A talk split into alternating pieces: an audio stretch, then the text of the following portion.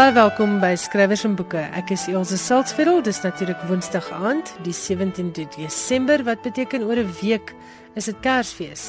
En in pas met hierdie tyd van die jaar waar 'n mens dink aan alles wat verby is en almal wat nie meer met ons is nie. Gesels ons vanaand met Dani Botha, oud uitgewer, oor sy bundel sketse en stories uit sy eie lewe. Dani is bekend as Uitgewer, was vir 28 jaar verbonde aan Tafelberg Uitgewers, maar hy was ook 'n akteur en is self 'n skrywer uit wie se pen 'n paar boeke verskyn het. Uil in die pad, wat 'n kinderboek is, die Soft Rock Club, 'n bundel kortverhale, Voetligte en applous, die beginjare van die Afrikaanse beroepstoneel wat 'n nuwe fiksieboek is oor die Afrikaanse toneelwêreld en dan vanjaar se boek Die 4de uit sy pen is die helder dae. Dani was ook die stigter van die Penseel letterkundige tydskrif saam met Fanny Olivier en die oudstudent van DJ Opperman se letterkundige laboratorium. Hier is Suzette Kotse Meiberg en hulle gesels oor sy bundel Die helder dae.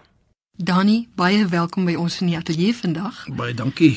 Voor ons nou verder gaan, wil ek nou net hier 'n belangeverklaring vir die luisteraars doen dat die gesprek van ons as dit nou dalk 'n bietjie luimig raak en dit is dat ons mekaar al baie lank ken van ons desjare kollegas by Tafelberg was.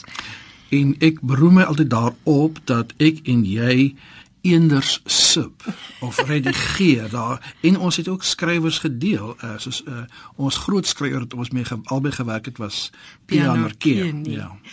Dan in jou boek die helder dae hier sit nou op die voorblad so 'n sedige kereltjie op 'n driewiel en daai sedige kereltjie is jy Vertel my so 'n bietjie van toe jy nou nog daai siedige kereltjie was. Die eh, kyk dit word opgeneem in die eerste deel. Die boek bestaan uit 3 dele en die eerste deel is nou verhale wat handel oor my kinderdae.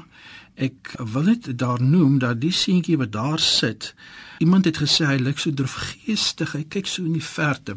Maar die verklaring is oom Anrius wat met sy bokskameraitjie die foto geneem het staan aan die kant waar die in die son skyn reg in Dani se oë. Soos wat fotograwe tog so graag doen, hè? En dan is daarom dat Dana, Dana, my bynaam, my naam was toe Dana. Dana nou so sit 'n mik daar vir die teen die teen die laat sondige middag. Weet jy die vraag wat mense my seker die meeste vra as hulle hoor dat ek met boeke werk, is of ek self skryf. Nou in my geval is die antwoord nee, maar in jou geval is die antwoord ja. Daai twee baie verskillende rolle van skrywer en redakteur. Hoe hanteer jy die twee? Man, gelukkig is ek nie 'n uh, vreeslike produktiewe skrywer nie. Ek het uh ek ben amper sê groot geword by Tafelberg Uitgewers uh, met byvoorbeeld 'n uh, Bertha Smit wat redakteur is en dan ook uh, het sy ook geskryf maar sy het my ook verseker dat as jy as redakteur werklik waar ook wil skryf jy sal tyd vind. Uh, dit sal gebeur al neem dit nou langer miskien as normaalweg.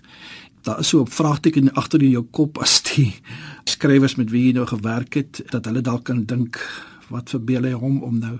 Maar ek glo daarom nie ek het 'n hele ding oor die vertroue wat daar tussen 'n skrywer en sy redakteur of uitgewer ontstaan. En dis Absoluut. ook Dis ook weer juffrou Bertha het vir ons geleer dat jy het werklik waar gearriveer. Jy het werklik waar 'n uitgewer geword. As die volgende gebeur, jy is in 'n geselskap en daar's 'n klomp mense en die skrywer draai na sy familie toe en hy sê of na sy vriende en sê ontmoet my uitgewer. Maar dit is gebaseer op vertroue wederwysige vertroue die skrywer en die redakteur uitgewer die moet mekaar vertrou. Jy as redakteur moet daardie vertroue uh, as ware verdien. Ja. Deur jou stiptyd deur jou aandag wat jy in die teks gee en natuurlik daai ewige diplomatie. En jy bly 24 uur in diens van die uitgewery en jy moet maar baie opoffer van jou lewe vir daai skrywer, maar jy jy doen dit. Ek was so trots op om by Tafelberg te wees om te dink ek het hierdie werk eers in die later jare. Ja. Toe het 'n mens nou begin met ehm um, aanvalle van depressie en uh, jy weet so besomberheid in jou hart werk toe gekom, maar dan was jy tog nog steeds uh, trots daarop dat jy met sulke dinge kan kan, kan werk. werk. Ja.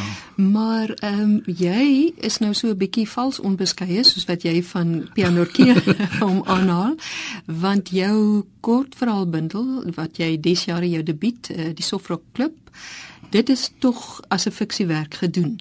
So hoe het jy toe as skrywer, hoe het jy toe die redigeerproses ervaar?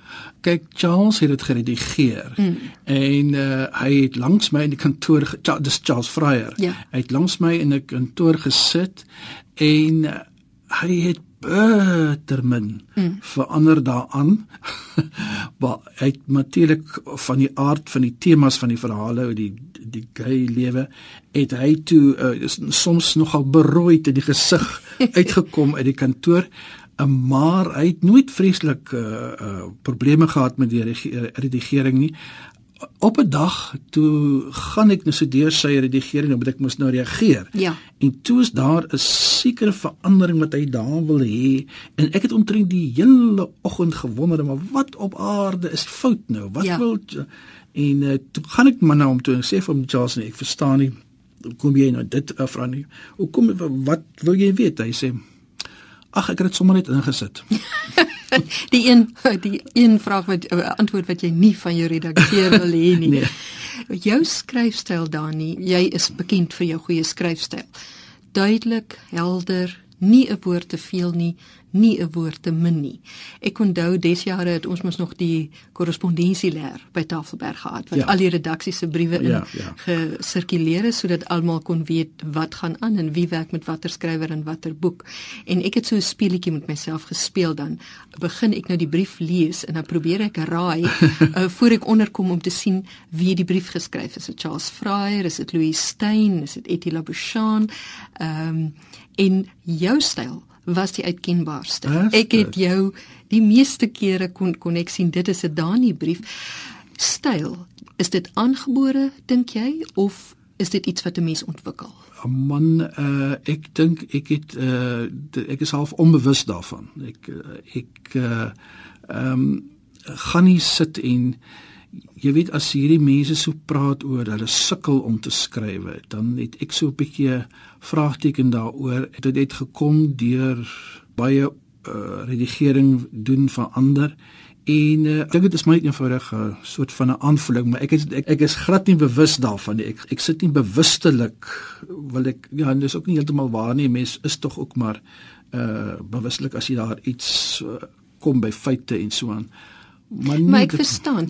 En dis vir my eh, verrassend want uh, ek sou nou dink dat as redakteur en aangesien dit is wat jou eintlike werk al die jare was dat die redakteur in jou die hele tyd die skrywer sal inhibeer maar blykbaar gebeur dit nie. Uh, nee wat? Uh, wel ek ek het nou juist met hierdie boek met die allerdae het ek was my redakteur uh, George Lou gewees. En hy het vir my 'n baie interessante funksie vervul met hierdie goed.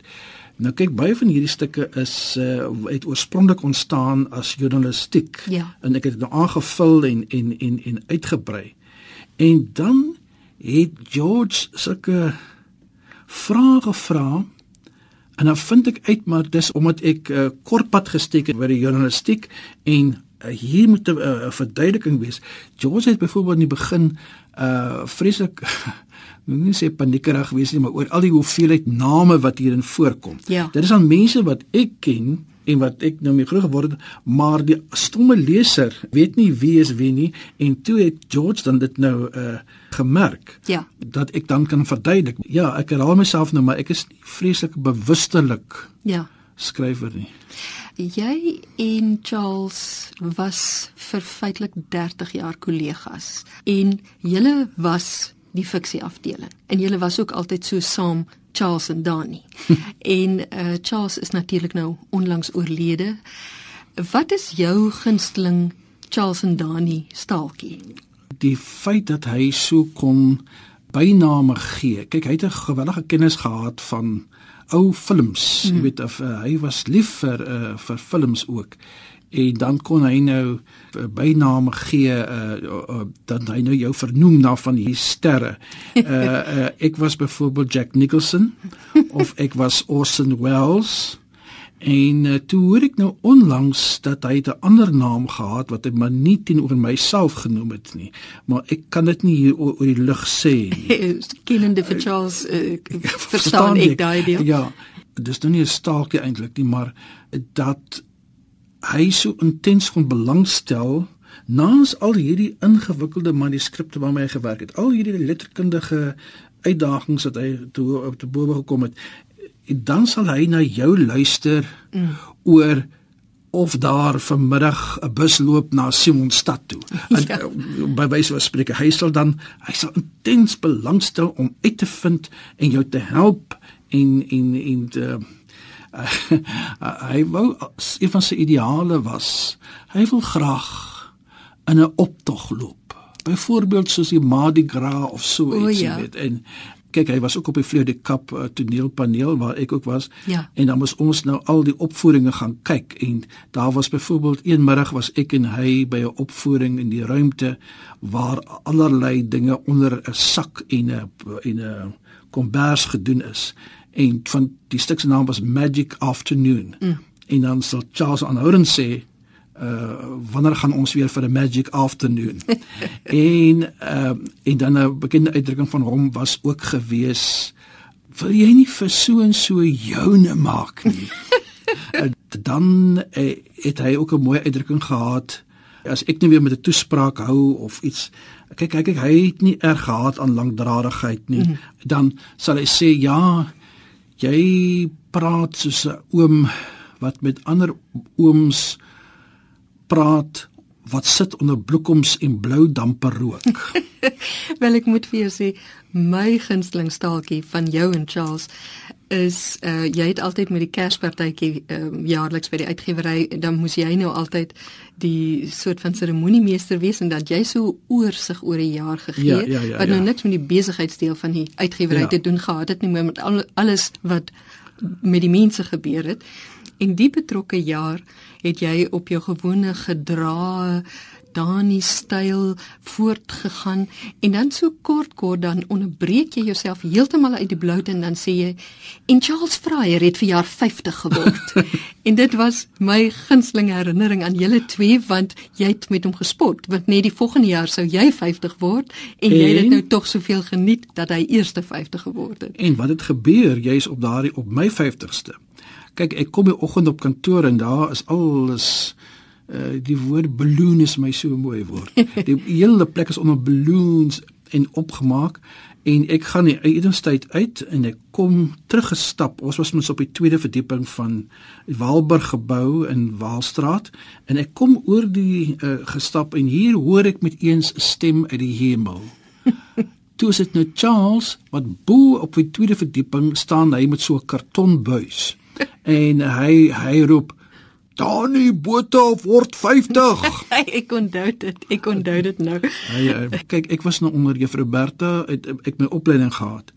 Maar hy het my ook later aan uh, was dit die storie van dat hy uh, voel 'n mens moet tog die hekkies oopmaak. Jy moet ja. nie te verskriklik eng. Ja. Ek dink as redakteurs het ons almal baie by hom geleer. Ja, ja. Die deel van jou lewe wat ek nou so 'n soort van uh, wel dis nou die die ehm um, bekende deel wat ek die minste van weet is jou as toneelspeler want jy was nou as ware voor my tyd omdat ek nou heel wat jonger ja. is. Vertel 'n bietjie van toneelspeel. Jy weet, was dit vir jou 'n uh, uh, baie groot belangstelling? Hoe het jy besluit om by die amateur toneelgeselskap ja. aan te sluit? Ek het in 'n stadium daar by Tafelberg George Lou as dramaturg en Charles wat ook self dramaopleiding gehad het en uh het ehm um, ons selfs oorweeg dat ek die uitgewery verlaat en gaan ehm um, maar uh, in in nou begin uh, uh, speel. Ek het 'n vreemde belangstelling gehad van kleins af in uh, in toneelspeel. Dit was eintlik Audrey Brino se dogter, die groot uh, romanskrywer Mariese wat my by die toneel uitgebring het want sy haar maat beskryf hoe sy as kind in die hulle huis so konsert gehou het. Ja. En toe lees ek dit in 'n ou stapels huisvrouens en toe begin ek ook so konserte hou daar op die stoep met so net so vier mense, my ma, my ouma, my oupa, my tannie wat dan in die gehoor is. Ja. Ja, dit was die die hele tyd ek het op skool by die debatvereniging en ek tog so gebid hulle vra my weer om vir Agie Visser voor te lees ja. so voort. En toe in die stad uh, het ek toe vir die eerste keer gespeel in die toneelstuk as ons twee eers getroud is mm. uh, van Gerard Bekus en ek was oupa en ek moes uh, baby Johnson se vader op my kop gooi dat ek kwa grys wees. Toe het daar een lid van die akademie vir drama kuns, Babs Leiker en daai mense, uh, Elma Brandt het blykbaar saans agter my aangestap huis toe en toe hulle nou 'n toneelgroep stig en hulle benodig frisgeboude man aandag streep vet. Uh, ek moes dus speel in die heks van Leipold, ja. sy speel die heks en ek moet die sepier speel. Mm. Ek het toe al by Drian hulle uh, hier in uh, stories gespeel in Springbok en Drian want Drian was ook 'n produk van daai skool en hy het toe nou vir my as Romeinse uh, soldaat moes ek sulke ou opname bande om my bene draai dat dit nou lyk soos so sandale. En um, nou ons speel toe daar in die vlakte voor die kinders en arme Elma vroeg daar op die verhoog rond maar die kinders lê soos hulle lag. En toe ek as spier nou op kan en ek sê o oh, haar tand is hol. Toe lig daar die kinders.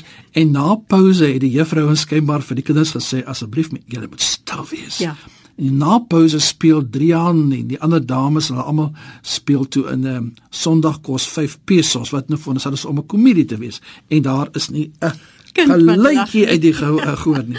En en so dit toe nou so kom ek toe uit by die uh, Akademie vir Dramakuns en ek het selfs ook later klasse gegee daarin en ons het ook gestig in ons uh, dit was seker in my of laaste jaar het ons die Akademie Spelers gestig ja, ja. vir die huidige en die ou studente.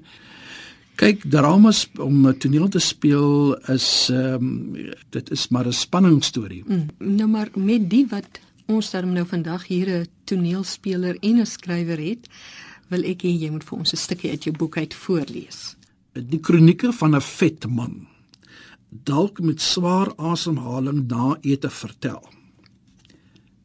Die asvol nek van die gryskop dokter buig af na die wit lesenaar blok. Terwyl sy haar pendop afskroef, verklaar sy: "Mr. Porter, you are a fat man." Diagnose: kategorisering: vonnis. Sy maak aantekeninge oor 'n dieet. Sy skryf medikasie voor wat ek van toe af van my 45ste jaar vir ewig vir hoë bloeddruk sal moet gebruik. Verloor gewig, dan sal ek nie binnekort aan 'n swak hart beswyk nie. 'n Paar jaar daarna het ek 'n audisie afgelê vir 'n hartstigting advertensie. Ek moes verskeie pogings aanwend om myself dood te kry voor die kamera. Ophang aan 'n elektriese koord by 'n venstertjie bo Koningin Victoria straat uitspring. Maar elke keer is dit veronderstel om nie te werk nie want ek is te geset. Dis wat die boodskap sou wees. Sterf aan fietsig. Ek moet byvoorbeeld benoud vassit in die venstertjie. Maar toe blyk dit dat ek sal seepglad deur die raam kom. Ek druip die audisie van wie my slankheid. Onlangs het 'n vriendin my aanbeveel vir 'n advertensie van 'n rop wat by seepunt uitgespoel het Sy kan my so sien as 'n omvangryke vleesigheid op die nat sand. Op die nippertjie verneem sy dat die adverteerder 'n klein rakkertjie rob visualiseer. Dit was Suzette Kotse Meiburg wat in Kaapstad gesels het met Dani Botha. Hulle het gepraat oor sy boek Die Helder Dae. Dit het onlangs by Tafelberg verskyn en kos R190. En ek wil ook net noem daar is vier heerlike stories vir Kersfees in die bundel. So dit is 'n heerlike Kersgeskenk. Dan nog iets wat ek dink 'n baie lekker Kersgeskenk sal maak veral vir die ouer garde is Dotsar Fontaine se boek Liefde in die Kopertyd wat pas heruitgegee is deur Protea Boekehuis. Liefde in die Kopertyd het oorspronklik in die Sari Mare verskyn as 'n vervolgverhaal en is in die 1960s vir die eerste keer in boekvorm uitgegee. Dit kos R190 en het by Protea Boekehuis verskyn. Protea Boekehuis het ook pas aangekondig dat hulle die geliefde skrywer Dot Serfontein se Liefde in die Kopertyd heruitgegee het. Hierdie storie het oorspronklik verskyn as 'n vervolgverhaal in die destydse Sari Mare tydskrif.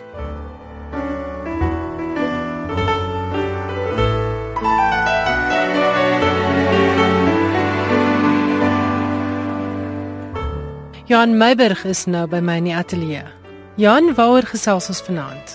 Wel die kortlys vir die Britse Costa boekpryse is onlangs aangekondig. En tussen die 20 boeke op die kortlys is daar vanjaar ook die memoir van 'n breinchirurg. Henry Marsh se Do No Harm Stories of Life, Death and Brain Surgery is een van die vier memoirs op die lys. Die wenners van die Costa-pryse word in 5 kategorieë aangekondig op 5 Januarie. Die kategorieë is 'n roman, debuutroman, biografie, poësie en 'n kinderboek. Die wenner van die Costa boek van die jaar word 'n bietjie later op 27 Januarie bekend gemaak. Skrywers wat in Brittanje en Ierland woon en tussen 29 en 70 is, kan deelneem. 'n Interessante aspek van die pryse kortlys is dat dit bestaan uit 10 mans en 10 vroue skrywers. Nou die romanprys, die 2014 Costa Romanprys, vir die prys is benoem Neil Mukherjee vir The Lives of Others, Monique Roffey vir The House of Ashes, Ali Smith vir How to Be Both en Come to Being vir Nora Webster. Nou jy sal onthou ons het ook oor Mukherjee en Smith al gepraat. Hulle was albei op die kortlys vir die Man Booker Prys. Vir die kinderboekprys is daar net 'n interessantheid. Daar's twee boeke wat die Eerste Wêreldoorlog as tema het en een van hulle is Listen to the Moon van Michael Morpurgo, die man wat Warhorse geskryf het wat ook op die oomblik in Suid-Afrika te sien is. En en Warhorse is mos oorspronklik bedoel as 'n kinderverhaal. Inderdaad ja. so, ja. Ja. Ons het 'n ruk terug gepraat by die dood van die digter Galway Kinnell wat ook die amptelike hofdigter was van die Amerikaanse deelstaat Vermont oor ons eie hofdigter. Nou ek het gaan oplees, ons hofdigter is inderdaad Keurapetse William Gotsetsile, ook bekend as Bra Willie. Gotsetsile is al sedert 2006 Suid-Afrika se amptelike hofdigter of op ons in Engels poet laureate. Gotsetsile, hy is 76, het die land in 61 verlaat. In daardie stadium het hy vir die Johannesburgse koerant New Age gewerk, 'n publikasie waar tydens die destydse regering dikwels vel opgetree het. Vir die koerant het hy benewens beriggewing ook gedigte gelewer. Hy is in 1962 na Dar es Salaam en daarna na die FSA waar hy onder meer aan die Lincoln Universiteit studeer het. Hy het aan die Columbia Universiteit sy meestersgraad in kreatiewe skryfwerk behaal en het in 1969 gedebuteer met Spirits Unchained, 'n bundel wat besonder goed ontvang is in die FSA.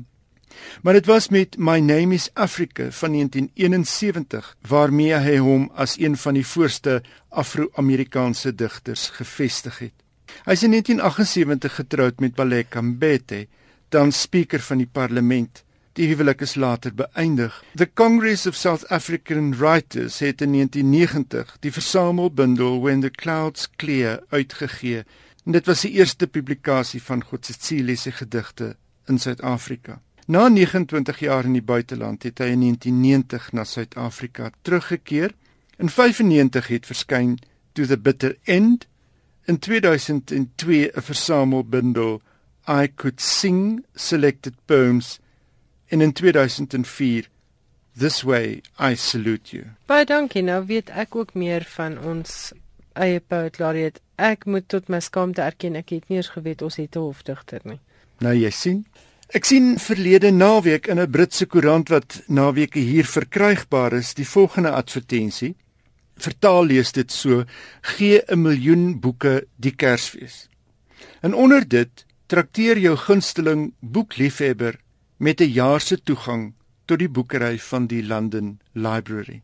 Die advertensie is vir lidmaatskap tot die gesogte biblioteek wat inderdaad meer as 1 miljoen boeke op sy rakke het, boeke wat strek van die 16de tot die 21ste eeu. En toe dink ek net, miskien kan ons plaaslike biblioteke ook nou of dalk volgende jaar 'n bietjie meer aktief ondersteun. Jy weet Johan, ek het vanoggend met 'n skrywer hieroor gepraat. Hoeveel mense gee boeke vir Kersgeskenke? En hoekom gee ons nie meer boeke vir Kersgeskenke nie? Want 'n boek is 'n ervaring. 'n Boek is nie net 'n geskenk wat eenmaal geniet word of net deur een mens geniet word nie. Die meeste van ons sit waarskynlik boeke hier laaste op ons lys van geskenke. Die advertensie het my onmiddellik opgeval op op op die blad. Ek sal nooit ophou om die aankoop van boeke te bepleit nie.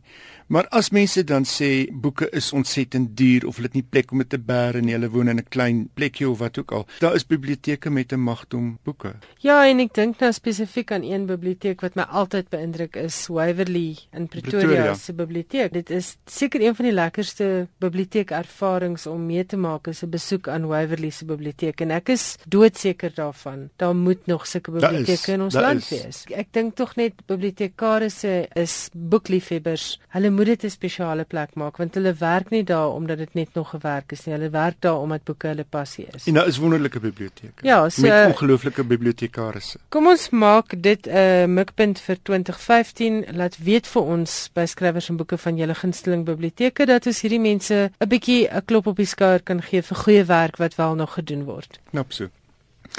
Nou sy lewe lank was Gabriel Garcia Marquez vel gekant teen die Amerikaanse imperialisme en hy was weens sy uitgesprokenheid dekades lank onwelkom in die land.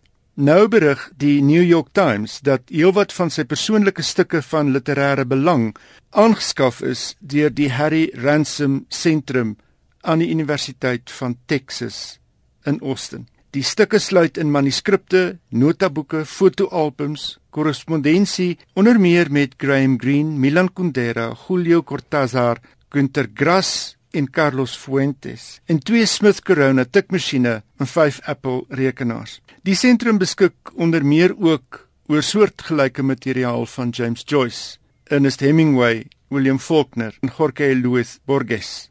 Marquez is in April op 87 oorlede en hoewel hy in Kolumbie gebore is, het hy jare lank in Mexiko gewoon.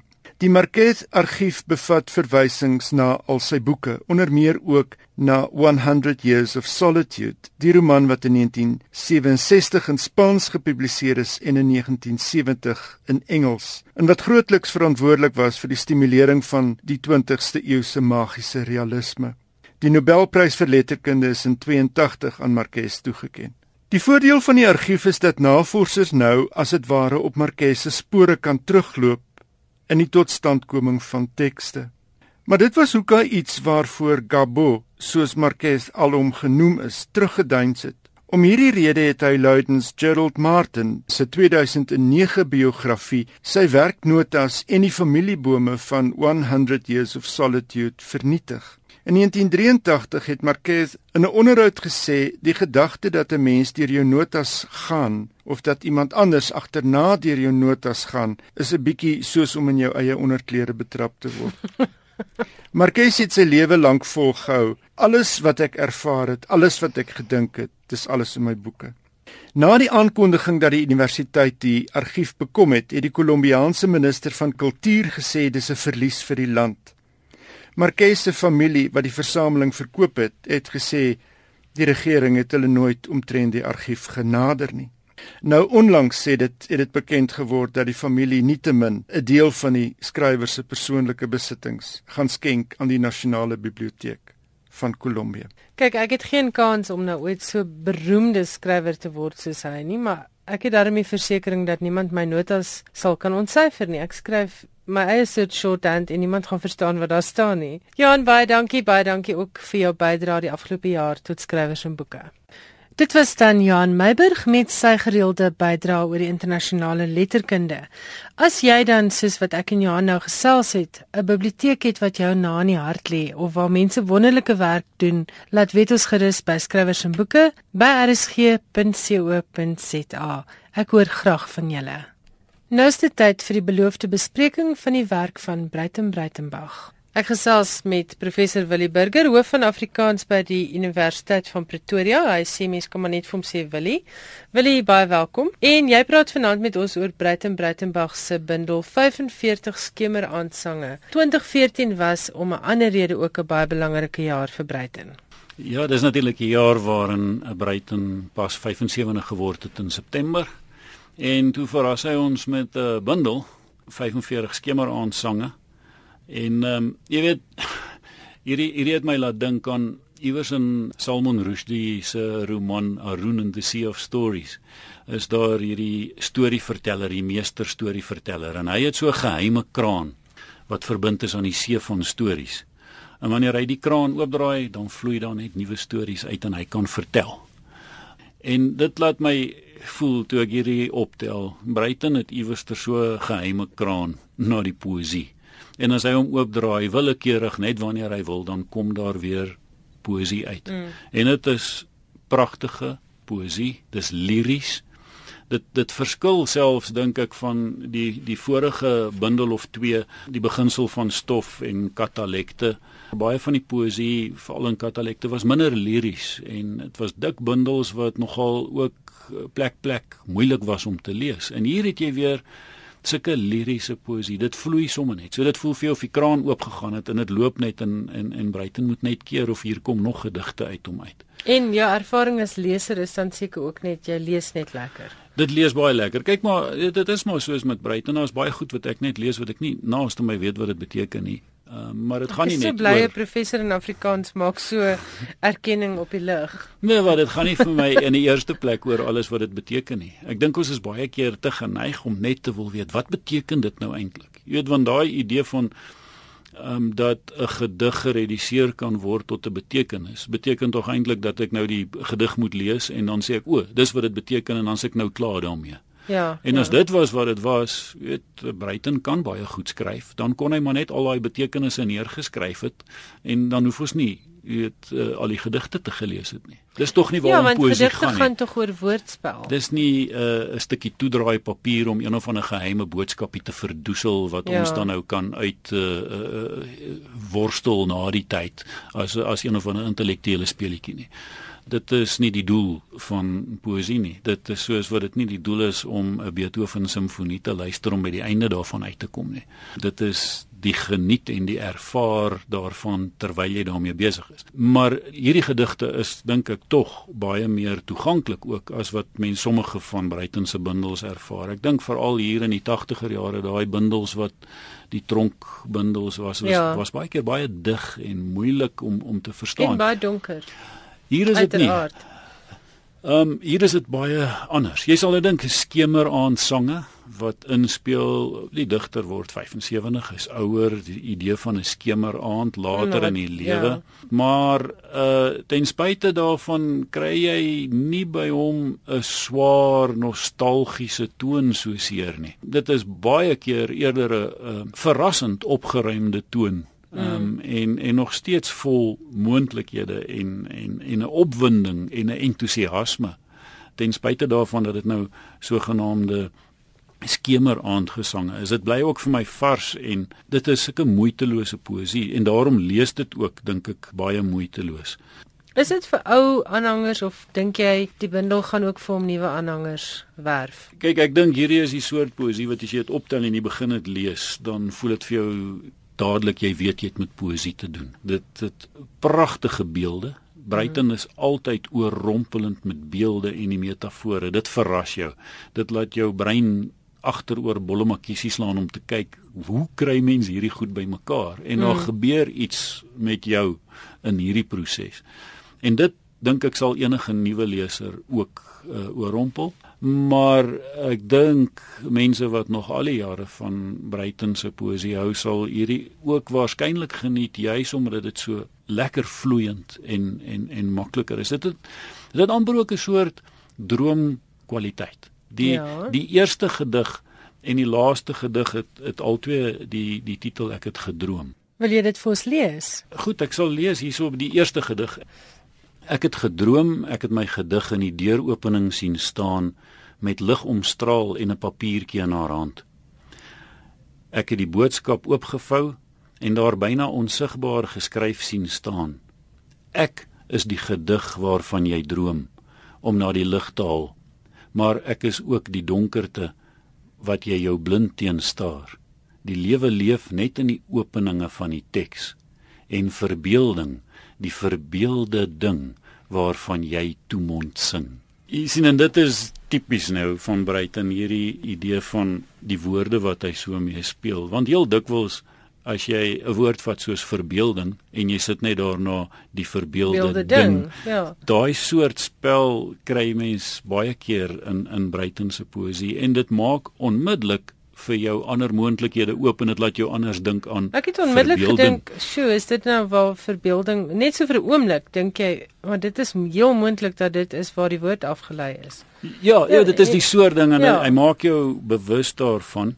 En um, en en hier is ook baie gedigte oor die poësie, oor die hmm. maak van poësie en wat gedigte eintlik is. En ek dink wat mens dikwels in Bruiten se poësie kry, eintlik deurgaans, is woorde, uh, taal is 'n manier waarop ons 'n greep probeer kry op ons werklikheid. Ons probeer verstaan, ons probeer vir onsself verduidelik, ons probeer aan mekaar verduidelik mm. hoe die wêreld is, wat ons ervaar, wat ons sien. Dis waarvoor ons taal gebruik. Ja. Die probleem is egter dat taal nooit die ding self is nie. Nooit die werklikheid kan wees nie. In die oomblik wat jy nog iets probeer vertel, is dit klare vertelling en is nie meer daai ding nie. Hmm. Dis veral nie die moment nie. Tyd is die een ding wat ons nooit kan vasvang nie. Ja, die, die oomblik wat jy dinge. wat jy tyd probeer vaspen, is dit klaar weer verby. Die nou is klaar weer verby. En taal is daarom as ek hier 'n gedig probeer maak oor hierdie oomblik, oor hierdie ervaring, teen die tyd wat die gedig klaar is, is daai ervaring, daai oomblik ook al weer verby en is vir altyd verby en kan nooit vasgevang word nie. So in 'n sekere sin is om te vertaal om iets in taal te probeer stel is is 'n is 'n wanhopige poging. Jy kan nooit eintlik regtig iets vaspen nie. Jy sit uiteindelik met 'n klompie woorde wat iets probeer vashou wat klaar nie meer daar is nie. Ja. Wat sy poësie egter doen en dit stry ook teen hierdie idee wat hy wat hy telkens in sy in sy gedigte. Ek ek, dink nou aan Windvanger waar hy sê die die gedig is eintlik maar soos die akedisse vel. Die akedus is klaar weg, ek sit met die velletjie. Dis hoe die gedig is. Ja, o, maar dit weet dit kan jy nou maar die hele tyd bybreek ja. en die een beeld na die ander is is is so. Nou daar sit jy dan met of of ek dink in in katalekte het hy ook die idee van frottage, daai idee wat jy in kuns het wat jy op papier so kan sit op 'n mm. grouwe oppervlakte en as jy dan daarop krap met 'n potlood, dan kan jy die onder dan kan jy iets van die die ander kant sien. Ja, ja. Ehm um, en hy daar gebruik hy weer die idee dat jy die gedig byna so op die onbewuste kan sit en dan krap jy op hierdie kant en dan wat jy hier sien dan is dan die gedig. Ja. En dit kan jou iets laat sien van die onbewuste, van dit wat jy nie regtig toegang kan kry direk nie of die wêreld wat jy mm. nooit regtig kan vaspen nie. Jy sit met hierdie natreksel, hierdie mm, aftreksel mm. Op die papier. Um en en en wat 'n mens dan hierso ook opval is al telkens hierdie soort beelde en die manier van kyk na die poësie maar dat die gedigte self juis omdat dit metafore gebruik juis omdat dit so op verskillende maniere verwys en dit is hoekom ek net nou gesê het die begrip is nie heeltemal so belangrik nie dit gee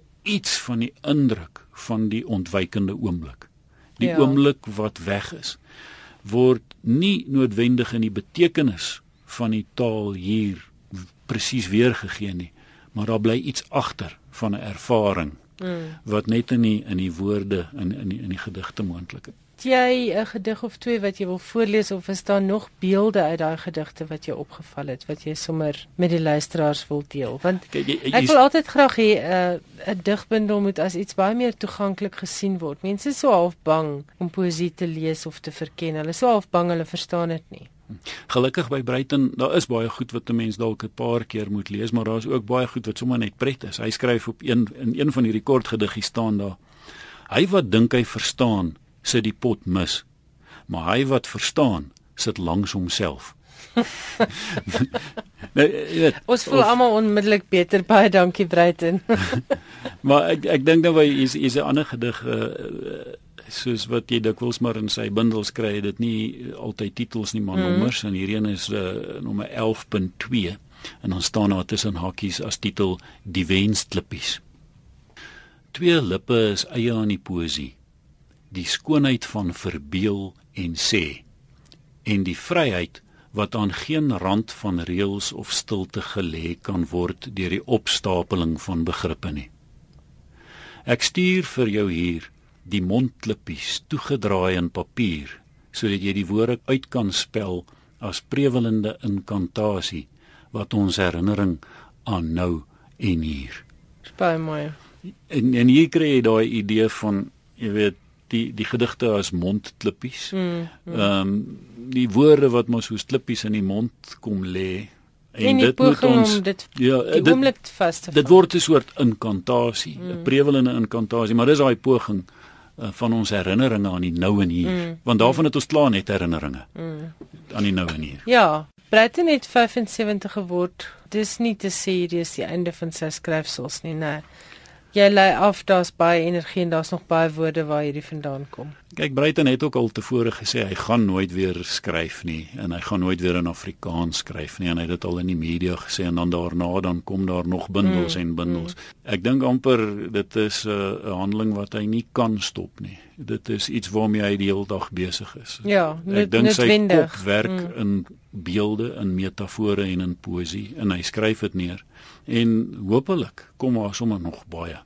Ja, en dis seker soos 'n skilder, jy kyk nooit weer as jy eenmal 'n 'n skilder was, kyk jy nooit weer sommer net na die wêreld nie. Jy sien oral om jou prentjies. Ja, die, en die en die punt is hy is natuurlik nog skilder ook. Ja, ja. En, nee, die voorbladtekening is is dit een van sy eie werke? Ja, dit is soos altyd so in sy breed en ja. skets, né? Um, weer iets ook van 'n selfportret wat jy mm. daarin sien natuurlik. Altyd by hom is daar iets van homself op ja. op 'n manier en dit laat mense ook dink aan aan bundels soos ek wat ja. ook die ek is en hier is dit ook baie keer die ek die die manier van kyk na diself en die pogings om diself te verstaan. Dis baie keer ek dink hy gebruik ook die beeld elders. Ek dink dit kom hier ook voor. Dit, dit is eintlik dat woorde in gedigte is amper soos om 'n hoek te laat sak in die onbewuste en dan trek jy hom op en jy kyk wat daarmee saam opkom ja. en is daai visse wat hier opkom waarmee ons uiteindelik sit en daarom is visse ook dikwels 'n beeld wat jy weet jy kry soos voels ja. en, en jy sal ook sien op hierdie voorblad is dit 'n soort van 'n 'n selfportret van 'n herkenbare gesig maar dan sit vol vere in plaas van hare en as jy van ver af kyk en jou oë so vrot soos myne dan kan daai hare ook um visse wees as jy ja, vinnig kyk dis sekerlik Sê gou vir my wie gee die bundel uit? Hierdie bundel is ook uitgegee soos wat hy al die jare, seker die laaste klomp jare uitgegee by Iman en Resou. Hy bedank ook voor in vir Alida Potgieter mm. wat uh, vir baie jare lank ook sy redakteur was by Iman en Resou, want sy het ook onlangs afgetree. So ehm um, Dis 'n lang verhouding. ook 'n mm. baie lang verhouding soos wat hy dit noem, 'n genotvolle samewerking en simpatieke begrip waarvoor hy haar ook bedank. Het jy 'n laaste gedig of 'n laaste gedagte wat jy met die luisteraars wil deel? Sjoe, hier is so baie wonderlike gedigte. Weet jy die beelde, ons het net nou gepraat van beelde wat by wat by Breiten altyd 'n mens so kan beïndruk. Luister net hierdie beeld. Die self is 'n solder. Die self is 'n solder. Jy klim soontoe op met 'n trap waarvan die sporte lankal weggevrot het. Om jou te verloor in die geur van kwepers, elk afsonderlik toegenuus in koerantpapier se verslaane berigte. Toegenuus, dis pragtig. Toegenuus in ja. verslaane berigte, koerantpapier se verslaane berigte. In repe stofferige sonlig wat skuins val oor die afoor hobbelperd en die bokse vol briewe. En die koperspaan dekorasies waarvan alle betekenis verlore is, want jy was nooit in die regte oorlog nie.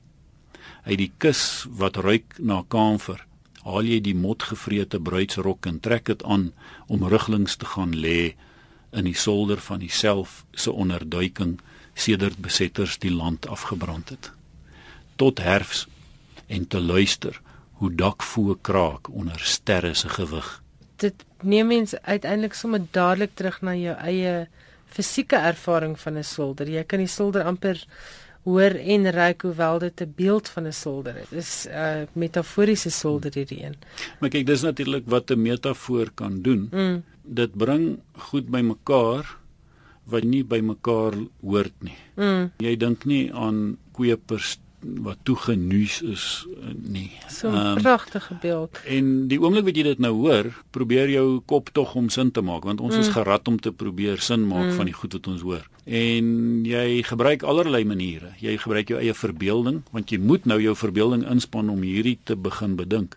En daarvoor trek jy uit jou eie ervaring, jy put uit wat jy weet en wat jy ervaar het en wat jy ken en jy probeer op 'n of ander manier sin maak hiervan. Mm, mm. En dis hoekom elkeen van ons ook 'n metafoor op 'n ander manier kan verstaan want elkeen van ons het natuurlik ander ervarings. Maar dit is ook hoekom poësie so 'n kragtige uitwerking het want dit enige ding wat 'n mens in die lewe ervaar het 'n baie groter impak op jou wanneer jy self deelneem. Ja. Om net te sit en te luister na iets of om te kyk na iets betrek jou nie ten volle nie, mm. maar wanneer jy self deelgeneem het, dan het dit 'n baie groter effek op jou. Nou die oomblik wat jy 'n metafoor soos die het, kan jy dit nie oorlaat aan 'n verduideliking wat vir jou gegee word nie. Dit stel 'n eis aan jou en jou kop moet inspann om hiervan sin te maak. So jou eie verbeelding word ingespan en daarom is jy betrek. Jou geheue, alles word mm. betrek, maar jy moet natuurlik jou geheue is ook in die verbeelding. Mm, mm. Ehm mm. um, Breiten skryf self, ek dink dit is 'n naai papierblom bundel van hom staan daar om te onthou is om te verbeel. Ja, dis wat Dominique Botha ook gesê het. Die, en, die eerste onthou is eintlik 'n daad van fiksie. Maar natuurlik is alle onthou verbeel. Ja. Want waar is jou onthou? Jy moet dit in jou dis, verbeelding mm, oproep. Mm, mm. Maar as jy enigiets onthou, is dit in dieselfde plek as waar jy dit verbeel. Paul Ricoeur het baie mooi daaroor geskryf in daai seminale werk van hom Memory History Forgetting. Maar maar dit is wat jy hierso ek sien om te onthou is om te verbeel. So jy jou geheue kom op, jy moet alles hierso in jou verbeelding optower vir mm. jouself. En daarom is jy aktief betrokke en daarom het dit 'n kans om iets aan jou te verander. Dit was heerlik om met jou oor Breiten en oor poesie te gesels. Willie, baie dankie. Ek dink jy maak dit baie toeganklik vir luisteraars en dit is 'n dis 'n kuns en ek sit jou en luister en ek dink ek dink jou studente moet aan jou lippe hang. Miskien eendag kom woon ek Afrikaans by by die Universiteit van Pretoria. Jy is welkom. Dit was Willie Burger, die hoof van die departement Afrikaans aan die Universiteit van Pretoria en hy het gepraat oor Breiten Breitenberg se 45 skemeraandgesange wat uitgegee word deur Iman en Resou. Dis ongelukkig al wat vir ek vanaand tyd het in skrywers en boeke. Ek is Elsje Saltzfeld. Bye bye, dankie dat jy saam geluister het na skrywers en boeke op hierdie Woensdag aan die 17de Desember. Volgende Woensdag aand is die aand voor Kersfees en dan moet jy inskakel vir 'n spesiale uitsending van skrywers en boeke. Moet dit nie misloop nie. As jy van jou wil laat hoor, ons e-posadres is skrywersenboeke@rsg.co.za of stuur 'n SMS na 3343. Elke SMS kos R1.50. En dan net so laaste herinnering, as jy nog nie Kersgeskenke gekoop het nie, oorweeg gerus 'n Afrikaanse boek. Dit help nie net 'n skrywer nie, maar dit help ook om die Afrikaanse taal en letterkunde te help voortbestaan. daarmee groet ek Elsje Salzveld tot volgende Woensdag aand tussen 8 en 9 net hier op RSG vir nog 'n uitsending van skrywers en boeke. Ek hoop jy geniet die res van vanaand se programme. Lekker slaap.